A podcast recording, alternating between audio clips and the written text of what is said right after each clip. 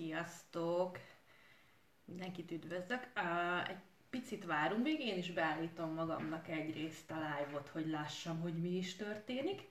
Másrészt megvárjuk, amíg többen is tudnak csatlakozni, és utána mindjárt bele is fogok.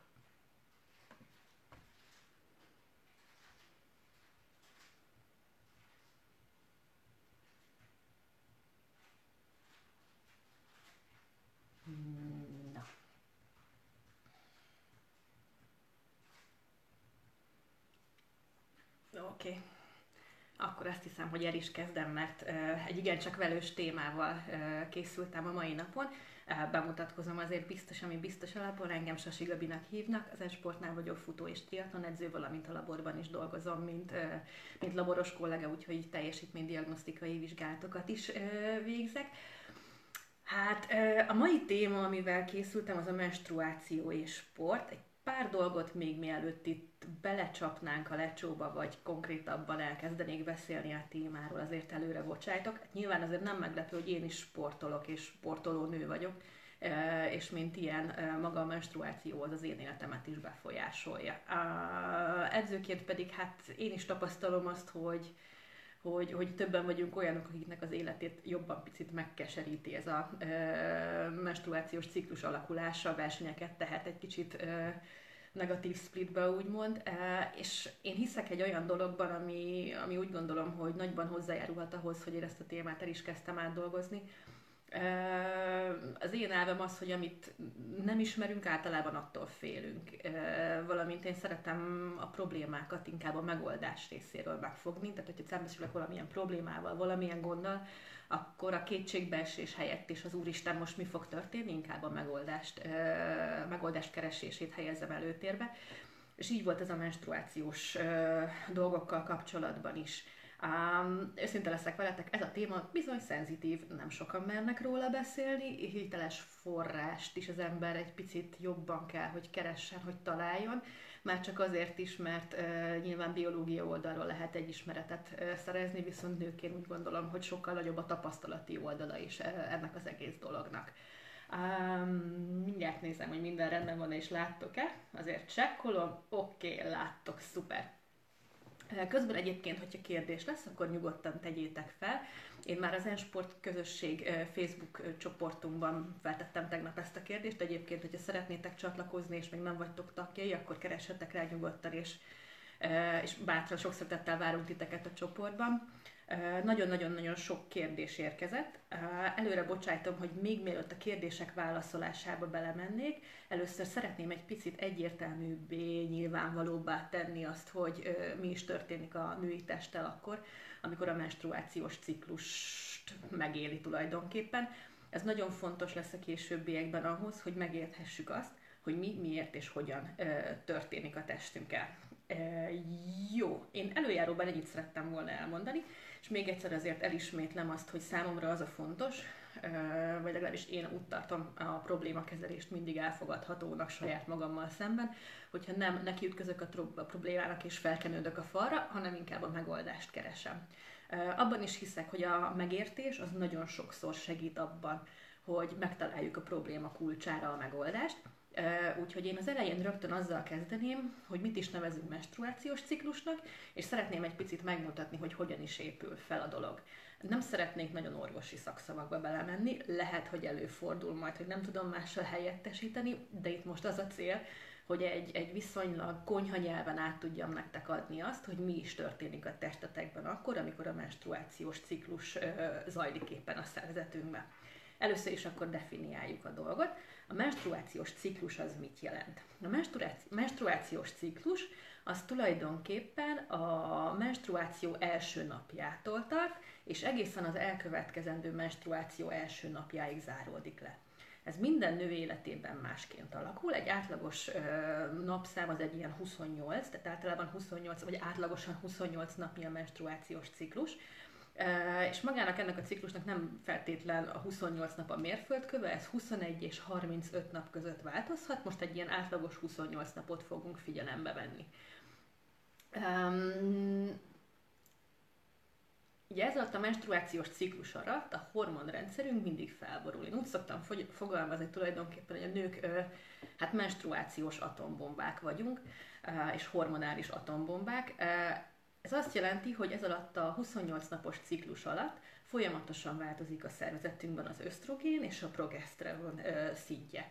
Ezek tulajdonképpen azok a hormonok, amik ezért a folyamatért felelősek, és ezt a hipotalamuszunk irányítja tulajdonképpen.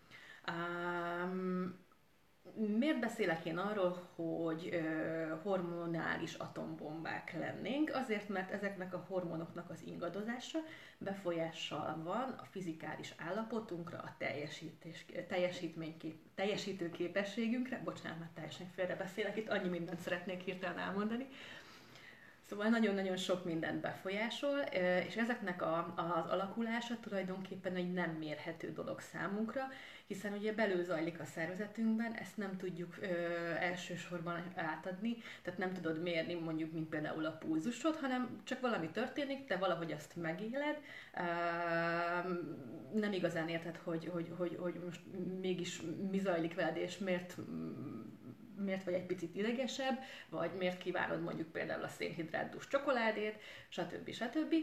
Illetve arra is ad, arra is ad magyarázatot, az ösztrogén és a progeszteron változása a menstruációs ciklus alatt, hogy melyik edzést éppen hogyan éled meg. Nagyon fontos ezt kifejteni, hogy a férfi és a női test biológiája nagyon-nagyon-nagyon különböző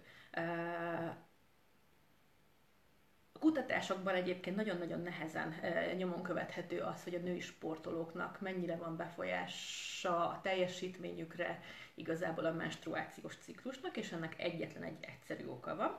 Ugye a férfiaknak viszonylag egyenletes a, a, a hormon szintjük életük során tulajdonképpen, ez most csak egy ilyen nagyon képletes átlagban mondtam, legalábbis a nőkhöz képest, már csak azért is, mert kiegyensúlyozott hormonháztartással rendelkeznek, míg a női szervezetben a hormonok azok ö, hol megnövekszenek, hol egy picit lecsökkennek, és ezáltal mm, teljesen másképp reagál a szervezetünk bizonyos terhelésre.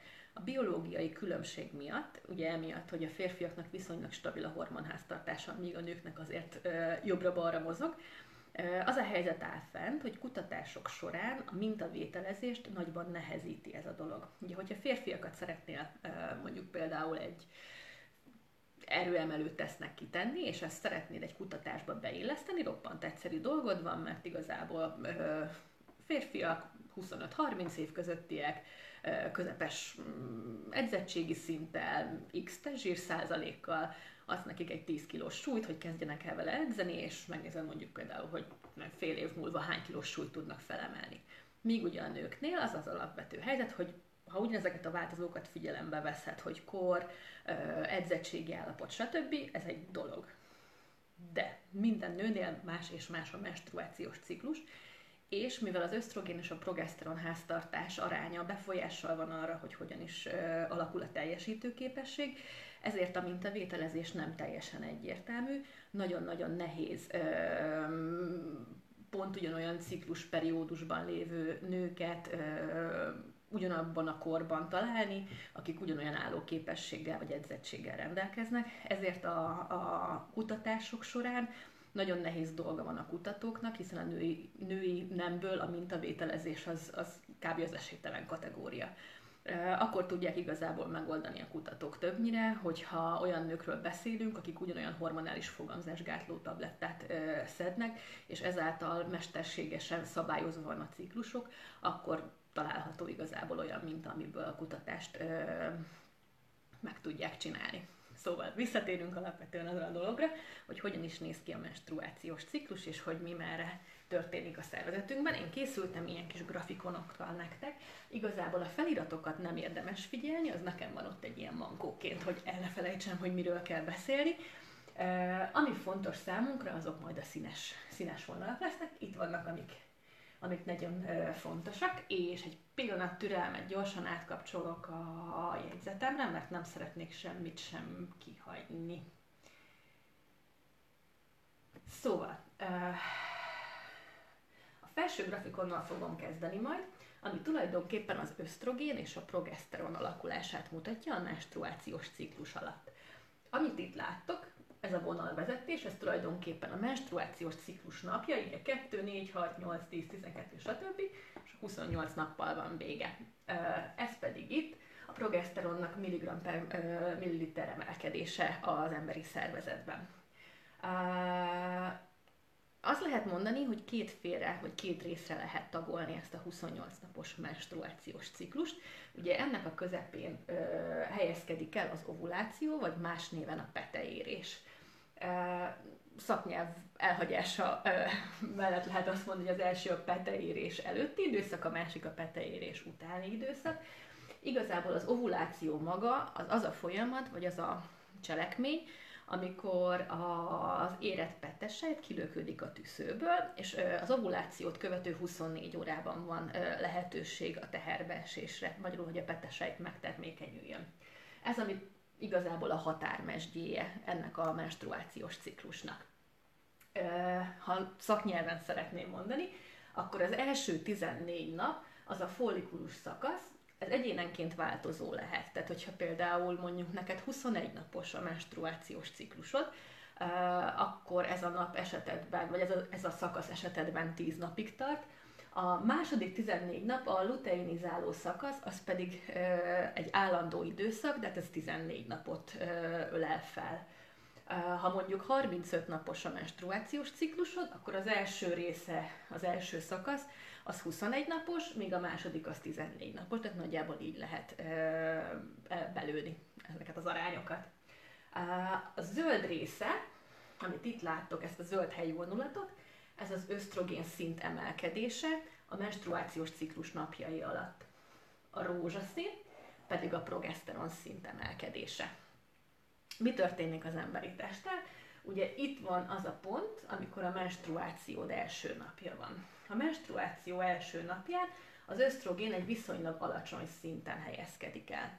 Uh, nagyon sokan kérdeztétek, több kérdés is érkezett azzal kapcsolatban, hogy a menstruáció ez befolyásolja-e azt, hogy milyen teljesítményt vagytok képesek leadni egy adott versenyen vagy egy adott edzésen.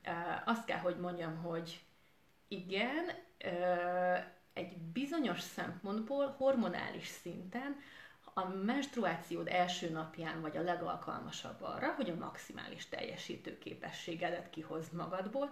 Például Paula Radcliffe, amikor világcsúcsot futott maratonon, akkor pont menstruáció első napján ö, vitte ezt véghez, és nagyon sok kutatás mutatja azt, hogy a menstruáció időszaka alatt például úszók a legjobb időt akkor tudták meg, a legjobb idejüket akkor tudták megúszni, amikor éppen menstruáltak.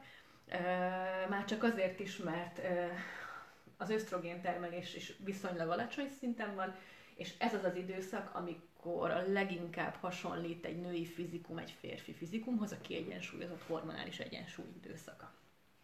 Szóval, elkezdődik a menstruáció, itt van egy úgynevezett deszkramációs fázis, ami a menstruáció fázisa, majd utána érkezik egy regenerálódási fázis. Ugye a menstruációnak az az oka, hogy a mély a hátja leválik a mély, mélyfalról, és ez távozik a szervezetből, ezt nyilván ugye fel kell, hogy építse, regenerálnia kell a szervezetnek, és utána az ösztrogén szint emelkedésével előkészül a peteérésre a szervezetünk.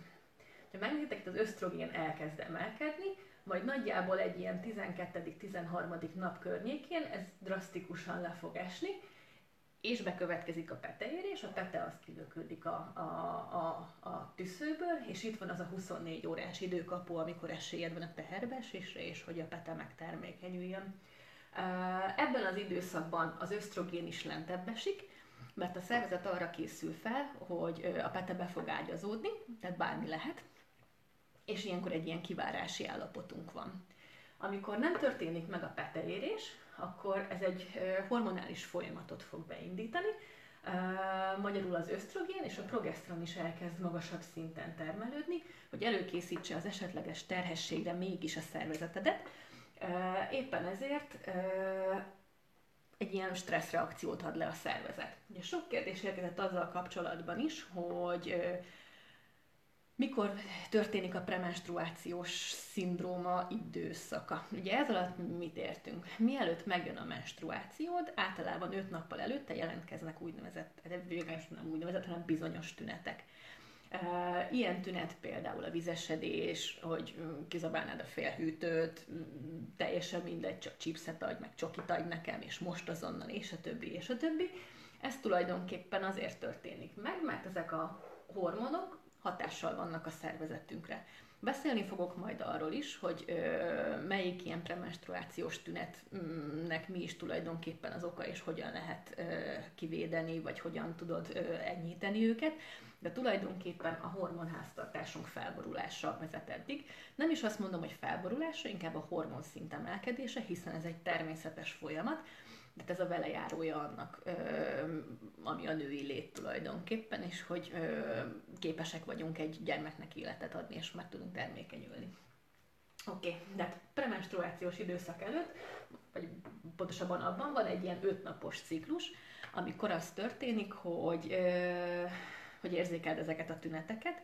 Ilyenkor a szervezet egy picit terheltebb állapotban van. És utána megjön a menstruáció, ami azzal jár, hogy tulajdonképpen a szervezeted egy ilyen relaxált állapotba kerül. A menstruáció bekövetkezése az azért is ö, hat kedvezően a teljesítőképességre, hiszen az előtte lévő időszakban a szervezet arra készül, hogy ki kell, hogy hordja egy gyermeket, Míg abban a pillanatban, ahogy megjön a menstruáció, a teherbeesés esélye nullára csökken, a szervezet felszabadul, és ezeket a felszabadult raktárakat ilyen szinten tudod majd mozgósítani. Jó, tehát ez így nagyjából remélem, hogy mindenkinek megvan, vagy így közérthető lett. Mondom, nem mennék bele nagyon-nagyon részletesen. Ha ö, valakit ez komolyabban érdekel, akkor majd ö, a live végén be fogom illeszteni a szakirodalom listát, és lehet olvasgatni nagyon érdekes folyamat, de itt most nem fogom jobban ennél részletezni. Ami hatással van erre az egész dologra, tehát az ösztrogén-progeszteron termelődésre, az tulajdonképpen kettő másik hormon, ami az agyalapi mirigyben termelődik. Ennek a pontos neve GNRH-nak hívják, gonadottorp hormonok ami a nemi mirigyek működését szabályozzák ezek a hormonok. Kettőfajta ilyen hormon van, az egyiket follikus stimuláló hormonnak hívják, ami itt a narancságar és az alsó táblázata, a másikat pedig luteinizáló hormonnak hívják. Uh, annyit kell csak és kizárólag megjegyezni, hogy az ösztrogén-progeszteron termelődéséhez uh, járulnak hozzá, és tulajdonképpen ez a két hormon az, ami az ovulációt elősegíti, valamint az ösztrogén-progeszteron háztartást körülbelül szabályozza és egyensúlyban tartja. Ezek azok, amik befolyásolják, tulajdonképpen a menstruációs ciklust. Jó, megyek fönt egy picit a jegyzetemben, egy pillanat türelmet, és mindjárt beszélek többfajta dologról is. Oké. Oké, okay. na, nagyjából ennyit kell tudni a menstruációról magáról, hogy hogyan zajlik ez a folyamat. Um, amit én úgymond hiányosságnak éltem meg így nőként, az a menstruációról tartott edukáció volt gyerekkoromban. Ezt mondom azt azért, mert ugye, ha jól emlékszem, felső tagozat hatodik osztályban volt felvilágosító óránk, és azt hiszem, hogy a hetedik osztályos tankönyv tartalmazta talán a, a nemiséggel kapcsolatos tudnivalókat. Viszont ugye ez már akkor történik, amikor a, a lányok 12-13 évesek. Ugye nagyjából 11 éves, 15 éves kor között jön meg az első menstruáció, és mint nő ki vagy téve egy olyan dolognak, hogy a tested változik, jelentkeznek olyan dolgok, amikkel eddig nem szembesültél, mondjuk szembesülsz a, a hasi görcsökkel, szembesülsz, szembesülsz a hangulatingadozásokkal, és ezt azért tinédzserként, gyerekként nagyon-nagyon nehéz megélni. Én úgy gondolom, hogy az, hogy megértjük, hogy mi miért történik a testünkkel, nagyban segít abban, hogy amikor sportolunk, ezt el tudjuk fogadni, és ezt a tudást, amit egyébként megszereztünk vele kapcsolatban, be tudjuk iktatni a hétköznapjainkba, hogy ez kevésbé legyen befolyással a versenyeinkre és a felkészülésünkre. Nagyon sok szakirodalmat olvastam egyébként a témában, főként angol száz területen van ezzel kapcsolatos szakirodalom, kutatások, stb. Amit viszont én nagyon ajánlok mindenkinek, ha beszél angolul, az Stacy T. Simsnek a könyve, ezt mindjárt nézem, hogy hogy látszódik a videón, várjatok, ez nem ilyen egyszerű így kamerába mutatni. Szóval ez az a könyv, amit én mindenkinek ajánlok, ezt online meg lehet rendelni az Amazonról, sajnos angol nyelven van csak. elérhető, ha jól tudom, legalábbis magyarul egész biztosan nem, úgyhogy ha bármilyen könyvkiadó cég most így nézi a live-ot, akkor ezt így ajánlom, hogy egy fordítást megérne.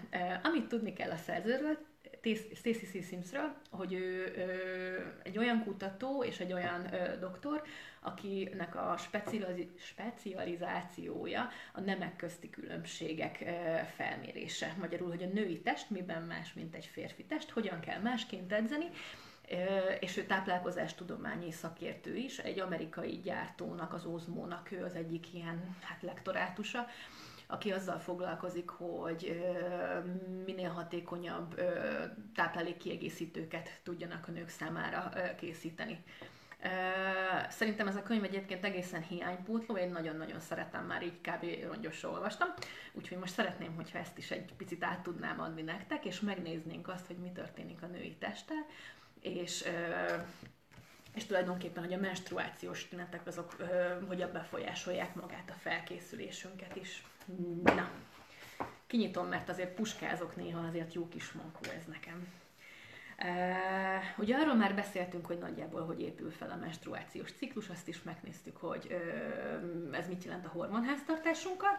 Most amire én szeretném uh, felhívni a figyelmet, az igazából a, a Stacey Simsnek is az egyik uh, állásfoglalása. Az, hogy nőként menstruálsz, az nem egy katasztrófa dolog. Uh, igazából legtöbbünk azért van tőle megijedve, és azért tart tőle, mert nem tudja, hogy mi történik a testével tulajdonképpen és sokkal több értelme van megvizsgálni az ok-okokat, ok-okozati összefüggéseket, és ebből levonni a tanulságokat, és ennek megfelelően edzeni, folytatni a versenyfelkészülést, semmit bepánikolni tőle, és, és, és úristen, most menstruálok, mi is fog történni.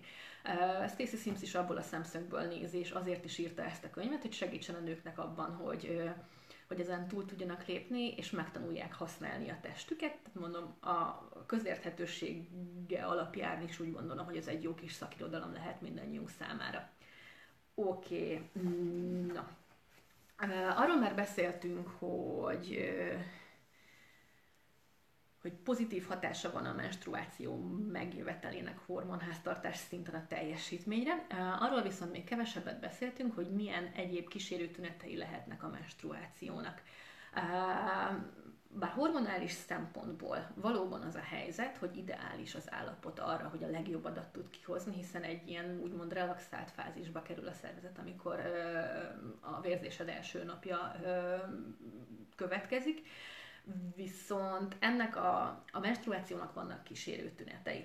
A kísérő tünetek ö, mentálisan egy picit nagyobb kihívás elé állítanak, ö, hiszen rengeteg olyan kísérő tünet jelentkezhet, ami a komfortérzetet csökkenti.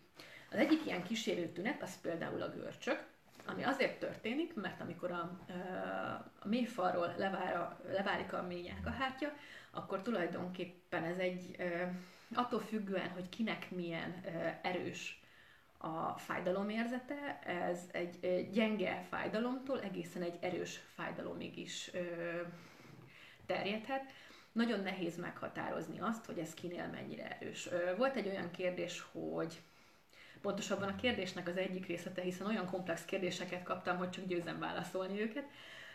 Az, az volt a része a kérdésnek, hogy ö, tinédzser lányok arra hivatkozva, hogy ö, menstruálnak, ugye felmentettek úgymond esetlegesen egy úszás óra alól, és hogy ez mennyire lehet igaz, lemere irányult a kérdés, de hogy volt egy ilyen mm, megjegyzés a végén, uh, aminél úgy gondolom, hogy fontos megjegyezni, hogy sosem lehet tudni, hogy egy nőtársunknak éppen mennyire fájdalmas a menstruáció, hiszen a fájdalomreceptoraink másként működnek. Épp ezért én úgy gondolom, hogy fontos azt is tisztázni, hogy a menstruációt kísérő tünetek nem minden nőnél azonosak, és nem minden nőre igazak. Meg kell találni, hogy mi az, ami esetedben problémát okoz, és arra a választ keresni, és azt szerint formálni ezt az egész dolgot. A menstruációs görcsökkel kapcsolatban egyébként, mindjárt mondom, nem akarok hülyeséget beszélni, és inkább felolvasnám nektek, hogy így gyorsan ö, visszamondanám. Uh, ugye a menstruációs görcsöknek pont az a problémája, hogy ö, leválik a bényák a hátja tulajdonképpen, és ez a fájdalomreceptorokban egy ilyen hát fájdalomérzetet kelt. és a Stacey Sims, aki tényleg arra van így rá koncentrálva ez a kutatási területe, hogy hogyan tudunk úgy táplálkozni, és megfelelő energiákat bevinni, hogy, hogy minimalizálni tudjuk a, a, a menstruációs panaszokat. Ő azt ajánlja, hogy magas magnézium tartalmú és omega-3 tartalmú ételeket együnk, és hét nappal a menstruáció bekövetkezte előtt ez már történjen meg, valamint alacsony dózisú, de 80 mg-os aspirint, igen, fájdalomcsillapítót ajánl. És csak az aspirint, semmilyen más gyógyszert nem. Nem vagyok orvos, hogy ezt én most megcáfoljam, őszintén szólva én nem nagyon szoktam görcsölni, viszont ez egy nagyon érdekes megoldás lehet.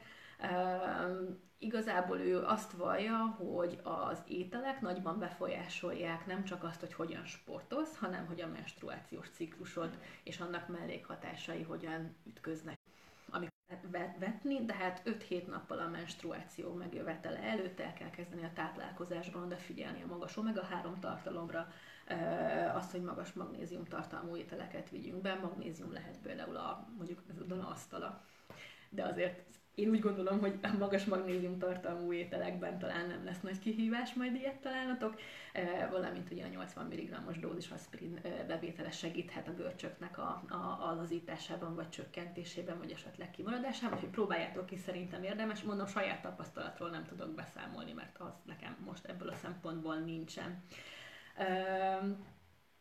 Ez a menstruációs görcs az, ami a leginkább mentálisan megviselhet minket, amikor az van, hogy teljesítenünk kell egy, egy sporteseményen.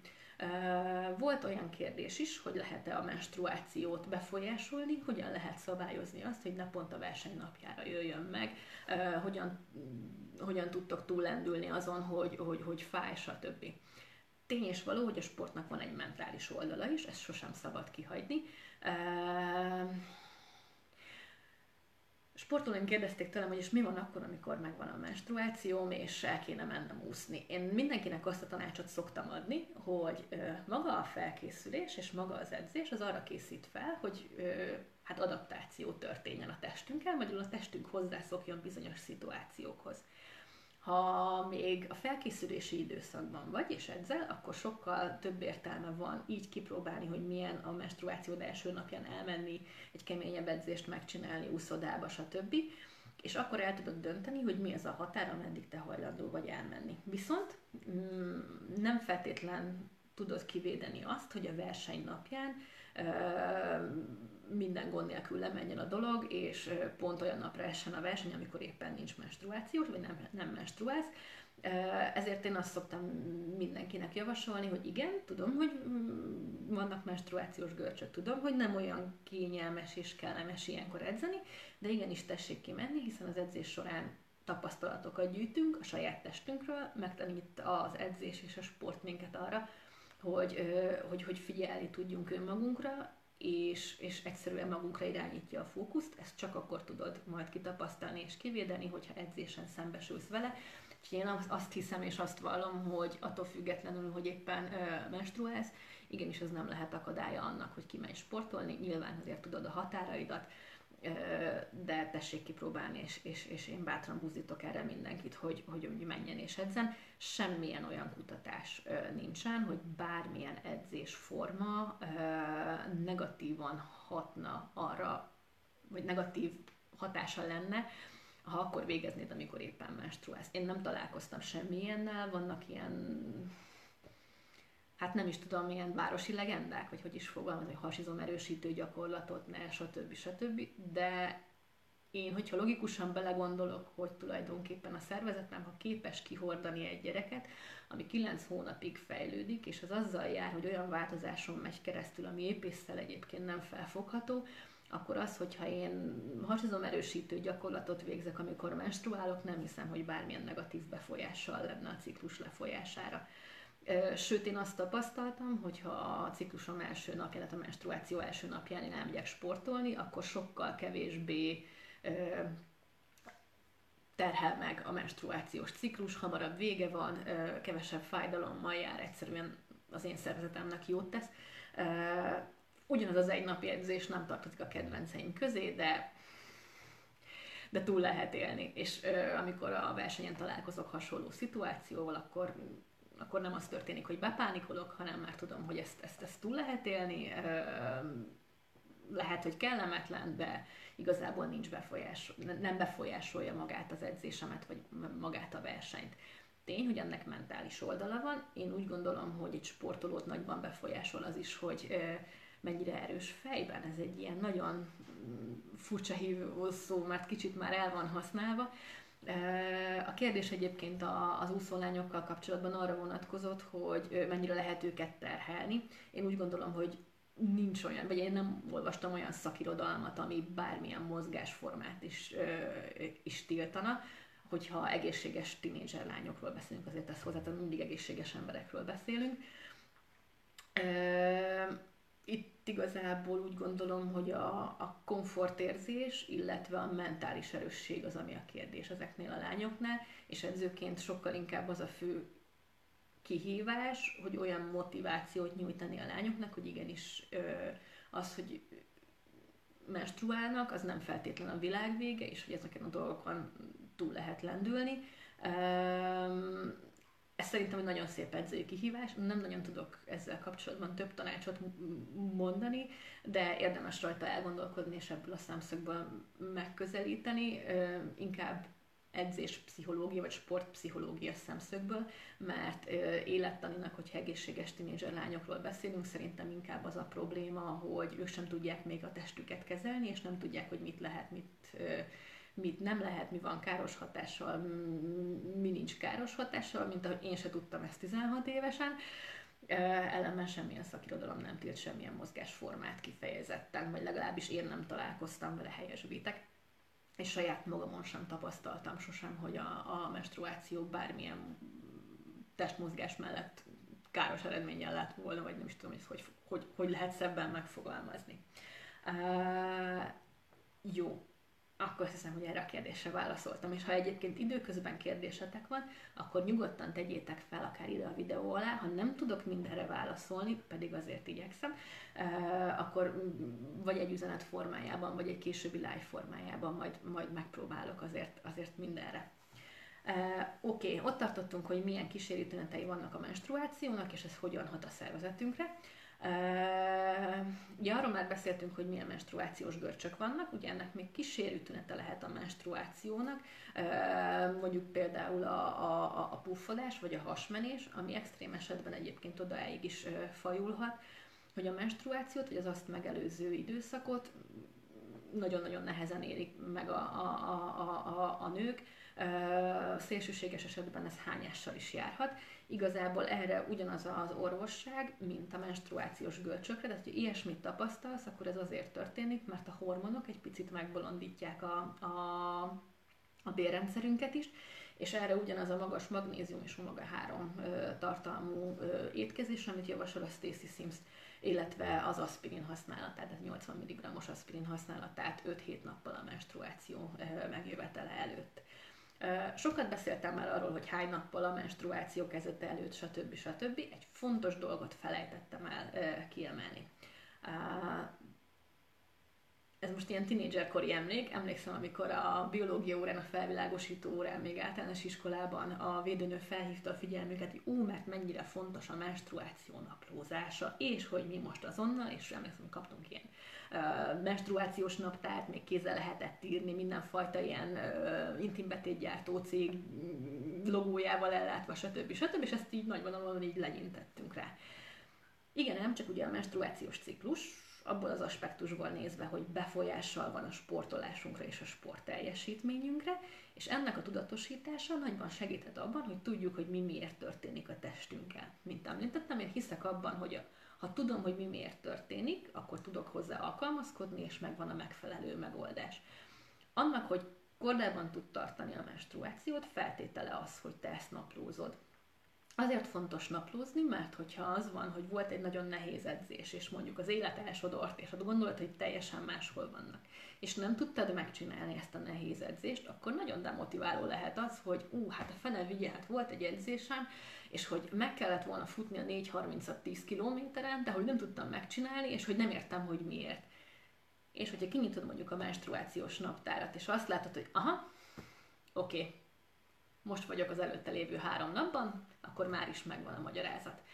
Nekem van egy ilyen saját tapasztalatom, nekem konkrétan akkor szokott lenni egy ilyen 12 órás időkapu, a menstruációs ciklust megelőző harmadik napon van egy ilyen 12 órás időkapu.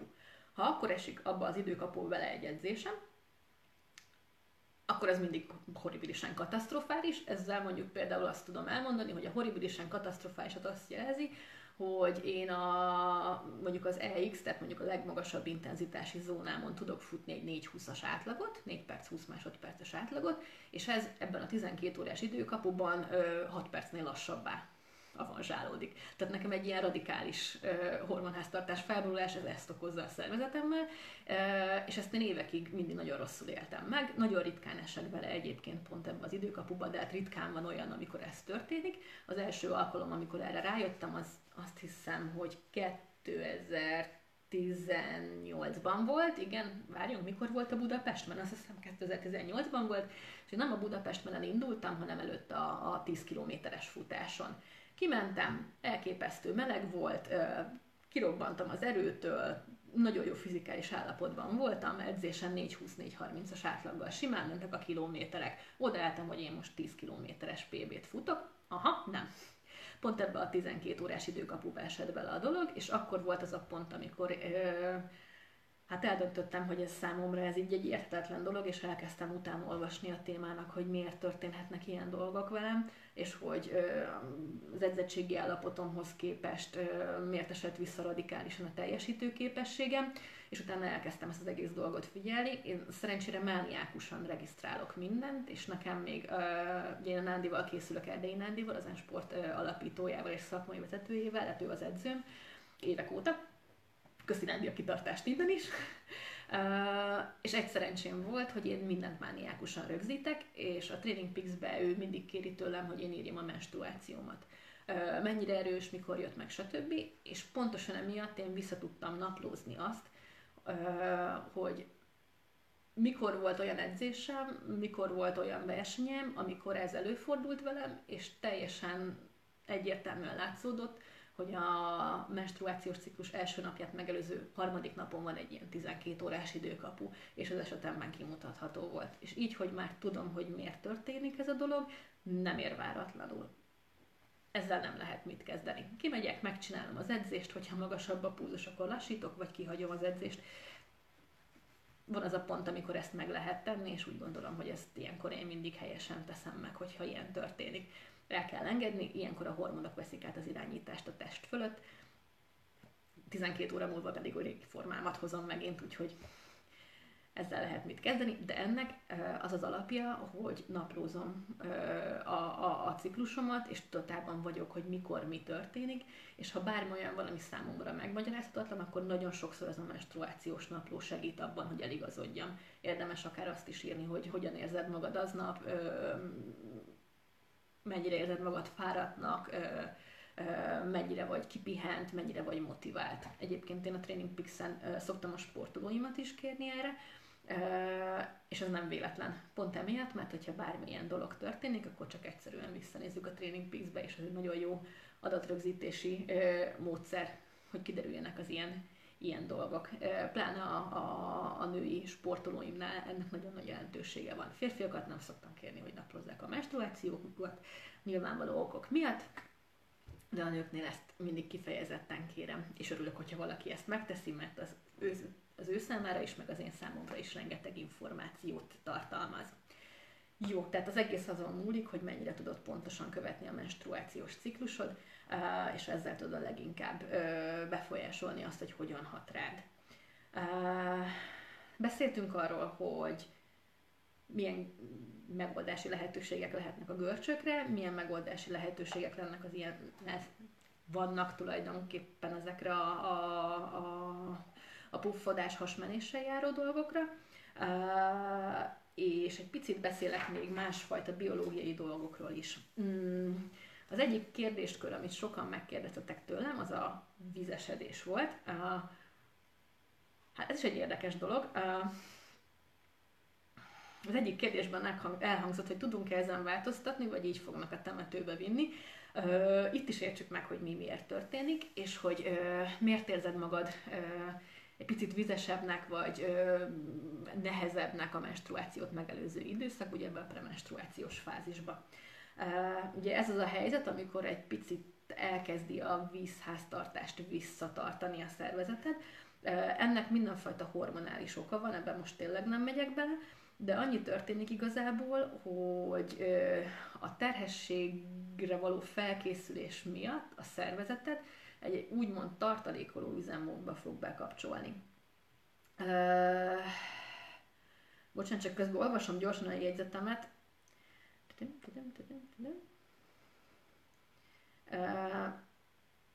Ez annyiban összetettebb dolog, hogy kérdezitek, hogy ezt lehet-e befolyásolni valamivel. Nem, azért nem lehet befolyásolni, mert nő vagy, és ez egy teljesen természetes folyamat.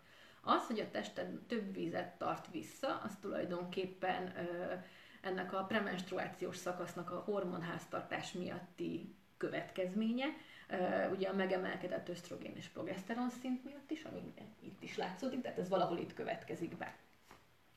Ezzel nincs mit tenni. Tény és való, hogy ez befolyással lehet magára az edzés minőségére, vagy az edzés lefolytatására. Még van egy olyan kontextusa ennek a dolognak, hogy ö, amikor a vizesedés bekövetkezik, vagy egy picit felpuffad a tested, akkor ö, falási rohamok is törhetnek rád. Ugye ez a, azt hiszem, hogy írtam valakinek, hogy meg fogjuk vizsgálni, hogy legális-e megenni két kiló nutellát ebben az időszakban. Igazából ez a premenstruációs ö, szakasz ö, többfajta tünet együttest okoz, mind-mind az ösztrogén és a progeszteron háztartás felborulása miatt, vagy inkább normál lefolyása miatt történik. Ö, az történik ugyanis az emberi szervezettel, hogy mivel a terhességre készül fel, pontosabban a női szervezettel, bocs fiúk, mivel a terhességre készül fel, egy úgymond ilyen vészhelyzeti forgatókönyvet vezet le. Tehát a menstruáció megjövetelét, tehát a ciklus első napját megelőző időszakban mm, tulajdonképpen elkezd raktározni úgymond a szervezet, és a szénhidrát raktárakat elkezdi úgymond védeni. Ugye azt tudjuk, hogy az emberi szervezetnek a glikogén raktárai végesek, egy másfél órányra elegendőt tudunk raktározni, míg zsírból kb. végtelen mennyiségű van a szervezetben. A hormonális hatások miatt a glikogén hozzáférést ö, csökkenti a szervezet, pont amiatt, hogy a terhességre felkészítse a, a, a, a női szervezetet. Ugye miért? Nyilván, hogyha egy új életet kell, hogy kifejlesz, akkor nagyon nem mindegy, hogy miből indulsz ki. Úgy kell elképzelned magad, mintha egy ilyen biológiai akkumulátor lennél egy csecsemő, egy kifejlődő magzat vagy egy csecsemő számára, és a szervezet erre próbál meg egy picit rákészülni. A premenstruációs időszakban, amikor azt érzed, hogy úristen, de megennél egy tábla, vagy egy, vagy egy kiló vagy két kiló, vagy három kiló csokit, akkor ez egy teljesen természetes folyamat, ugyanis ilyenkor, mivel a szervezet kevésbé fér hozzá a szénhidrát raktárakhoz, a külső bevitelt próbálja meg ö, elősegíteni. Ezért van az, hogy rákívánsz a csokira. Most bután fog hangzani, de a, ter- a szervezeted nem buta, nem véletlen kívánod a csokoládét, nem véletlen kívánod a, a, a chipset, a minél több szénhidrátot. Ebben az időszakban és a menstruáció időszakában ö, nyugodtan meg lehet emelni a szénhidrátbevitelt. Persze nem arról beszélek, hogy te most egy ültő helyetbe 5 kg nutellát tegyél meg, viszont nagyjából egy ilyen ö, 200 kalóriával ö, nő meg az energia szükséglet, és hát pont ennyi egy tábla csoki is kb. Na jó, nem egy tábla, lehet, hogy csak egy szelet csoki kb. De ezzel ezt meg tudod növelni, és ezt, ezt igenis lehet, és ez nem véletlen, de nem nem véletlenül kéri ezt a szervezetet tőled, vagy nem, nem véletlenül kívánod. Én ezt egyébként kipróbáltam, nekem az volt a bevált módszer, hogy amikor az van, hogy én megkívánok egy tábla csokit, akkor megeszek egy tábla csokit. Esetemben az áll fent, hogy nincsen súlyingadozás, a menstruációt megelőzően sem, nyilván a vizesedésnál nem is jellemző, de, de abszolút a súlyingadozás az, az, az nekem teljesen kimarad ellenben olyan nőt sem hallottam, aki előtte megeszik három tábla csokit, mert éppen olyan időszak van, hogy kívánja a szervezete, majd a, az a felesleg a normál mozgás meg életvitel mellett a menstruációt követően is rajta marad. Nyilván ugye, hogy megjön a menstruáció, ugye a vízháztartás egy picit lecsökken, és visszaáll a természet egyensúlya, de ez a súlyingadozás, ez a vizesedés, és ez, hogy meg akarod zabálni a félhűtőt, ez tök normális és tök természetes, a hangsúly mindig azon van, hogy mennyire viszed be egyensúlyban a szervezeteddel az energia szükségletet, amit a szervezet is kíván. Ugye azt ne felejtsük el még hozzátenni, hogy abban az időszakban, mielőtt megjön a menstruációd, alacsonyabb intenzitású edzéseket ö, tud tolerálni jobban a szervezeted. Ez pontosan ez lehet az egyik oka ennek, hogy a szénhidrát raktárakhoz kevésbé tud hozzáférni emiatt a tartalékolás miatt. A hosszú állóképességi edzésekkel gond nélkül meg fogsz tudni birkózni, viszont hogyha intenzívebb edzéseket kell, hogy végez, akkor érdemes emelni a szénhidrát bevitelen közvetlenül edzés előtt, és a visszatöltésre is nagyon fontos figyelni. Edzés után is minőségi szénhidrátot érdemes fogyasztani, emiatt a megnövekedett kalória szükséglet miatt nem is kell szerintem magyarázni, ha logikusan belegondolsz, akkor megágy a szervezeted, előkészül a terhességre, arra, hogy egy magzatot kell, hogy kihogy. Ez ezzel jár. Aztán, hogyha nem következik be, akkor meg újraindul a menstruációs ciklus, és annak megfelelően tudsz edzeni. Tehát én azok alapján, amiket olvastam, illetve amiket így ö, utána jártam a témának, és saját tapasztalatból is azt mondom, hogy ha tényleg az van, hogy hogy a ciklusod előtti napokban elképesztően kívánod a, a, a csokit, meg a chipset, akkor szerintem van az a limit, amikor nyugodtan szabadjára tudod engedni magad, persze azért normál határok, meg értelmes határok között, de, de nyugodtan meg lehet tenni, hiszen ilyenkor kevésbé tud hozzáférni a szénhidrát raktárakhoz a szervezet, pontosan emiatt a, hát az angol szó az azt hívja, úgy hívja, hogy nesting, tehát ilyen fészekrakó állapot miatt, másrészt pedig a menstruáció ide alatt is megnövekszik a szervezet kalória szükséglete, és ez pont olyan mennyiségben, mint ami mondjuk például egy szelet csoki, tehát ezt nyugodtan le lehet meg lehet oldani. Nyilván, hogyha valaki nem hisz a csokiban, akkor az egyen több bulgurt, de a lényeg az teljesen ugyanaz. Remélem, hogy ez így egyértelmű volt, és ez így megvan, és ezzel válaszoltam sokoltok kérdésére, hogy lehet-e nutellázni előtte, vagy sem. Én tök szívesen eszek nutellát. Nutella reklám vége, bocs, ez a kitérő. Jó, mindjárt nézem még a jegyzetet, bocsánat, hogy miről szerettem volna beszélni, illetve mindjárt ránézek még majd a, a kérdésekre. Oké, okay. jó. Még ami fontos dolog, és amiről szerettem volna beszélni, a menstruációs cikluson belül, mikor milyen edzéseket érdemes végezni, és hogy mennyire befolyásolja azt, hogy, hogy hogyan érzed magad egy-egy edzésen. Ugye azt már néztük, hogy az elején az első 14 napban van hormonálisan olyan állapotban a szervezetet, hogy ideális olyankor az edzéseket elvégezni. A megnövekedett progeszteron, ami a ciklus második felében van, az egy Hát pontosan emiatt a fészekrakó elv miatt egy picit visszafolytja a szervezetet, de nem is azt mondom, hogy visszafolytja, mert ha ebben az időszakban versenyzel, akkor is tudsz egyénileg jobbat menni, hiszen ilyenkor a VO2 maxodat és a laktát küszöbödet, vagy aerób küszöbödet nem befolyásolja a megemelkedett progeszteron szintje. De az a helyzet, hogy ebben az időszakban a nagy erőfeszítéssel járó munkavégzés, tehát a nagyon intenzív anaerób edzés munka kevésbé hatékony, mert a szervezet a hormonok miatt kevésbé alkalmas arra, hogy izomszövetet építsen. Tehát megnyúlhat a regeneráció. Tehát a menstruációs ciklusod első 14 napjában érdemesebb inkább a, az anaerób edzéseket, a résztávokat, a kemény fartlek a tényleg kinyílós, ez a 5 perc alatt taknyonyálon folysz edzéseket lefolytatni.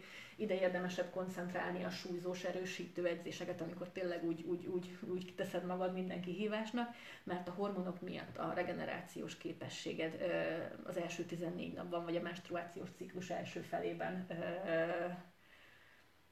van abban az állapotban, hogy a legjobbat tud kihozni magaddal, és a második felében is tudsz ugyan éneket csinálni, viszont vedd figyelembe azokat a tényezőket, hogy mentálisan megterhelőbb lesz, hiszen a szervezet automatikusan kezdi el lefolytani ezeket a funkciókat, meg tudod csinálni, de mentálisan nagyobb kihívás, hosszabb lehet a regenerációs idő, és ezért fokozottan táplálkozáson óriási hangsúly van.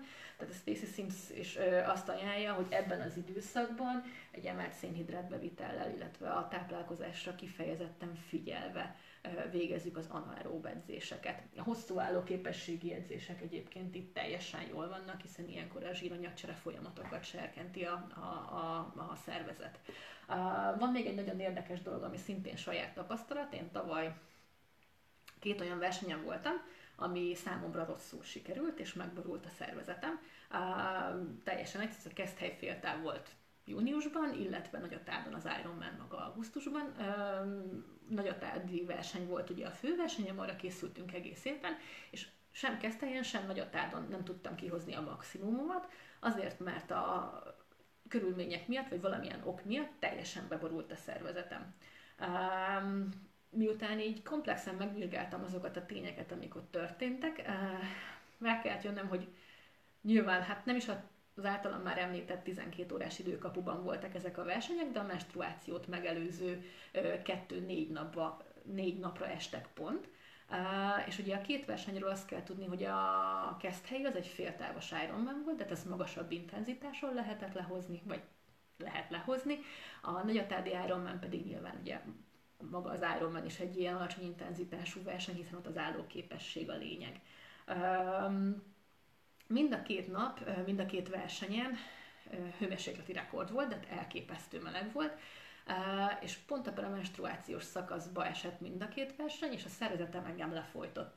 Tehát tulajdonképpen az történt, hogy, amit már említettem is azon a 10 kilométeres versennyel kapcsolatban, hogy egy olyan teljesítményre ö, fékezett vissza, amit nagyon sokáig fent tudok tartani, de nem engedte azt, hogy én a fölött versenyezzek. Ez nálam azt jelenti, hogy például az Ironman-en a futásra egy 5.30-as átlagsebességet tudtam hozni, ezen én a világból kimegyek, viszont ugye nem erre készültünk, tehát egy 3.30-as maratonra készültünk, ehhez egy magasabb teljesítménybe kellett volna kapcsoljak, de egyszerűen leblokkolt a szervezet, és nem engedte a dolgot, és helyen ugyanezt történt, helyen még magasabb intenzitáson kellett volna mozogjak, és egyszerűen képtelen voltam rá, a púzusom sem ment fel. Azt mondta a szervezet, hogy köszi szépen, mi most, most felkészülünk, és még egy nagyon-nagyon fontos tényező volt ebben az egész dologban, azt, hogy a, a, a hőmérséklet, a külső hőmérséklet mindkét napon, szerintem azt hiszem országos melegrekord volt, de tök jól megyek meleg versenyeken, de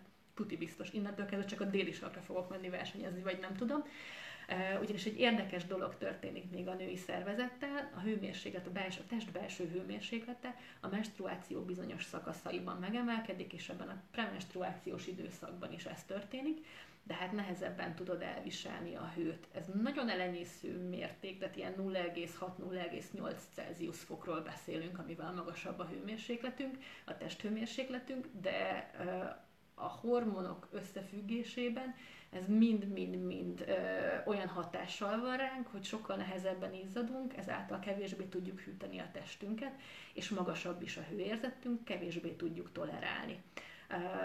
A hormoningadozások miatt egyébként a, a vérünk is egy picit besűrűsödik, hogy kevésbé szép szakszóval éljek, és a vértérfogat egy picit leesik, ezért a szívünknek erősebben kell dolgozni, hogy azt a mennyiségű vért át tudja mozgatni, ugye nyilván az izommunkához szükség van a friss oxigéndús vére, jobban kell dolgozzon a szervezetünk, és mindez együtthatóan járhat azzal, hogy, hogy egy ilyen fék hatást érzel ezeknél a, a, a dolgoknál. Velem pont ez történt, két versenyen, tök jó. Uh, igazából megmondtam a vállam, tanulság volt, tudom, hogy hogy működik, ha legközelebb megyek erre a versenyre, akkor, és pont így jön majd ki, akkor majd megtanulom kezelni, és én addig is kísérletezem vele. Jó, uh, igazából ennyi az, amennyit én itt szerettem volna első körben elmondani, most egy picit megnézném a kérdéseket, és megpróbálok rájuk válaszolni, ha nem is mindre, de idegszem majd a legtöbbre. Uh, Oké. Okay. Jött egy olyan kérdés, hogy hogyan lehet visszaállítani a felborult hárman háztartást, például kimarad a menstruáció a verseny alatt. Na, ezzel kapcsolatban még van egy másik téma, amiről egy picit szeretnék beszélni. Ugyanis a női test az nem egy teljesen egyszerű dolog. Van egy olyan, hát nem is tudom minek fogalmaz, hogy, mondjam el, de úgy hívják, hogy atléta triász. Ezt mindjárt felrakom ide. Már nem biztos, hogy sokat láttok belőle, de legalább nekem bankó lesz. Az atléta triász ez egy orvosi körökben ö, megfogalmazott fogalom, ami tulajdonképpen a, a nők sporttal kapcsolatos ö, biológiai jellemzőjének alakulását veszi figyelembe. Ugye az, hogy milyen teljesítményre vagy képes, nyilván ugye a testfelépítésed, az edzés által elért testfelépítésed befolyásolja, és alapvetően a csontvázunk az, ami tulajdonképpen egy így száraként működik, erre vannak felfeszítve az izmaink, és a megfeszített izom a csonttal együtt adja le az energiát, ezért vagy képes mozogni. Ugye a testben nagyon-nagyon fontos, hogy mennyire egészségesek és erősek a csontjaid, illetve a nőknél nagyon fontos az, hogy milyen a menstruáció, mennyire rendszeres. Az atléta triásznak az alapállása az tulajdonképpen három dologtól függ. Azért hívják triásznak, mert három alapköve van, és ennek a három alapkőnek a változását veszik mindig figyelembe. Az első alapkő az az optimális energiabevitel, tehát amikor annyit eszel, annyi energiát viszel be a szervezetben, mint amennyit a szervezet felhasznál. A második pont az a rendszeres menstruációs ciklus, ezt nem kell magyaráznom, szerintem tudjátok, hogy miről van szó. A harmadik pedig a megfelelő csontsűrűség. Hogyha ez a három egyensúlyban van, akkor minden rendben van, nem történik igazából semmi extra dolog. Ez egy normál állapot. Ugye itt egy ilyen pipát is tettem, hogy ez, ez egy normál állapot. Az atléta triásznak a következő pontja, az már egy inkább kérdőjeles és egy úgymond sárga zóna, veszélyeztetett zóna lehet. Ennek az ismérve az, hogy csökkentett az energiabevitel. Mit értünk energiabevitelnek? Az energiabevitel a bevitt kalóriák mennyisége, mínusz a testmozgáshoz felhasznált energiák mennyisége, és ebből kapod meg azt, amennyi utána a szervezetednek kell ahhoz, hogy az életfunkcióit, illetve a regenerációs képességét, az egyéb dolgaidat fent tud tartani.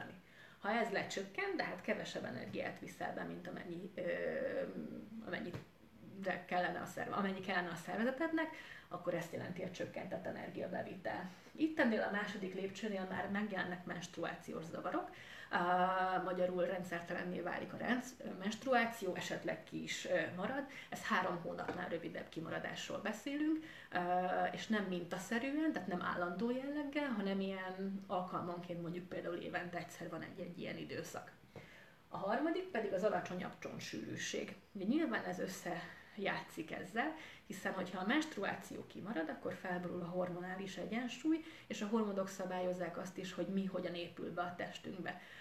Ha csökken az energiabevitel, és kevés energia áll szervezet rendelkezésére a fenntartáshoz, akkor két dolgot kapcsol rá először a szervezetünk. Az egyik az a, a reprodukciós képességünk, a másik pedig a csontépítés képessége. És ilyen esetekben előfordul az, hogy a csont összetétele változik, és egy picit csökken, hiszen nem, tudnak, nem tud mi beépülni tulajdonképpen a csontokba. Ezt nem ilyen szélsőségesen kell elképzelni, csak úgy, hogyha mondjuk például van egy 100%-os csontsűrűséged, akkor ez lemegy mondjuk 98-ra. Ez már egy ilyen kérdőjeles sárga zóna, hiszen itt azért az egyensúlyt remélem ti is értitek, hogy nagyon instabil. A piros zóna pedig ugye a harmadik legfontosabb ugye felkiáltó jeles zónája, ez már egy veszélyzóna.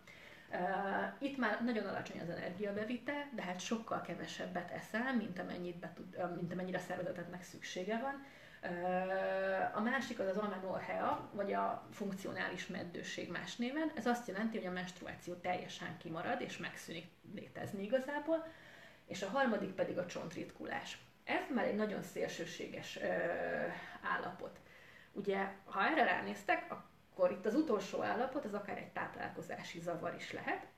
Azért hívják atléta triásznak, mert egy óriási kérdőjel van a sportolók esetében kifejezetten állóképességi sportolók esetében, hiszen az állóképességi sportolók többségének elképzelhető, hogy nincsen ö, semmilyen táplálkozási zavara, viszont az a helyzet áll fent, hogy olyan extrém mennyiségű terhelést kell, hogy elvégezzen, ahol nem az a probléma, hogy, hogy ö, megcsinálja az edzést, hanem hogy az ahhoz elegendő kalóriát napközben be tudja vinni. És az atléta triász a nőknél pont itt tud jelentkezni az atlétáknál vagy a sportolóknál, hogy olyan mértékű terhelésnek teszik ki a testüket ideiglenesen, átmenetileg, vagy esetleg egy hosszabb ideig, hogy pont ezek a tünetek fognak jelentkezni. Visszacsatolok a Stacy Sims könyvéhez, aki szintén a táplálkozásra helyette, helyezte a hangsúlyt, és az, az igazság, hogy nagyon sok mindennek az a kulcsa, és itt is ez a kulcsa. olvastam egy tanulmányt, ami kifejezetten arra koncentrált rá, hogy elit sportoló lányoknak, akiknek már kimaradt a menstruációja 3-11 hónap alatt, hogyan állt vissza ez az egész ciklus, és hogyan ö, tudták visszahozni a menstruációs ciklusukat. Uh, ami a tanulság volt, hogy arra az időszakra, amikor nagyon nagy intenzív terhelés történt a szervezetben, megnövelték a kalória mennyiséget, magyarul többet tettek a lányok.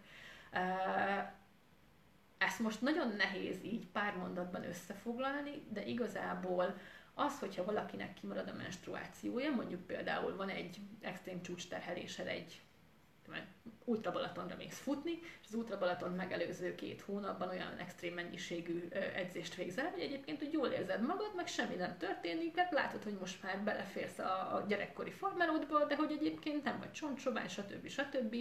Nagyon nagy mennyiséget eszel, minden rendben van, de egyszer csak kimarad a menstruáció. Ugye a menstruáció kimaradása az egy ilyen vészgomb. A szervezet ö, jelez valamit, úgy lehet visszahozni, hogyha eszel mellette, és megnézed azt, hogy mit, milyen minőségben, mikor, és hogyan pótolod vissza. Itt fontos azt is hangsúlyozni, hogy én ehhez szakembert ajánlanék, de hogyha ezekben a dolgokban nem vagy biztos, hogy felmerülnek ilyen problémák, hogy nagy terhelésnél kimarad a menstruáció, akkor, akkor érdemes egy dietetikussal, itt van a Danák tök szép kutyái vannak, nem? Imádtam, amikor ugrálnak a, a videókamera fölött, Például Danával is nagyon egyszerűen tudtok egyeztetni, és meg tudjátok nézni, hogy mi okozhatja ezt a dolgot, hol van energiadeficit a bevitelben.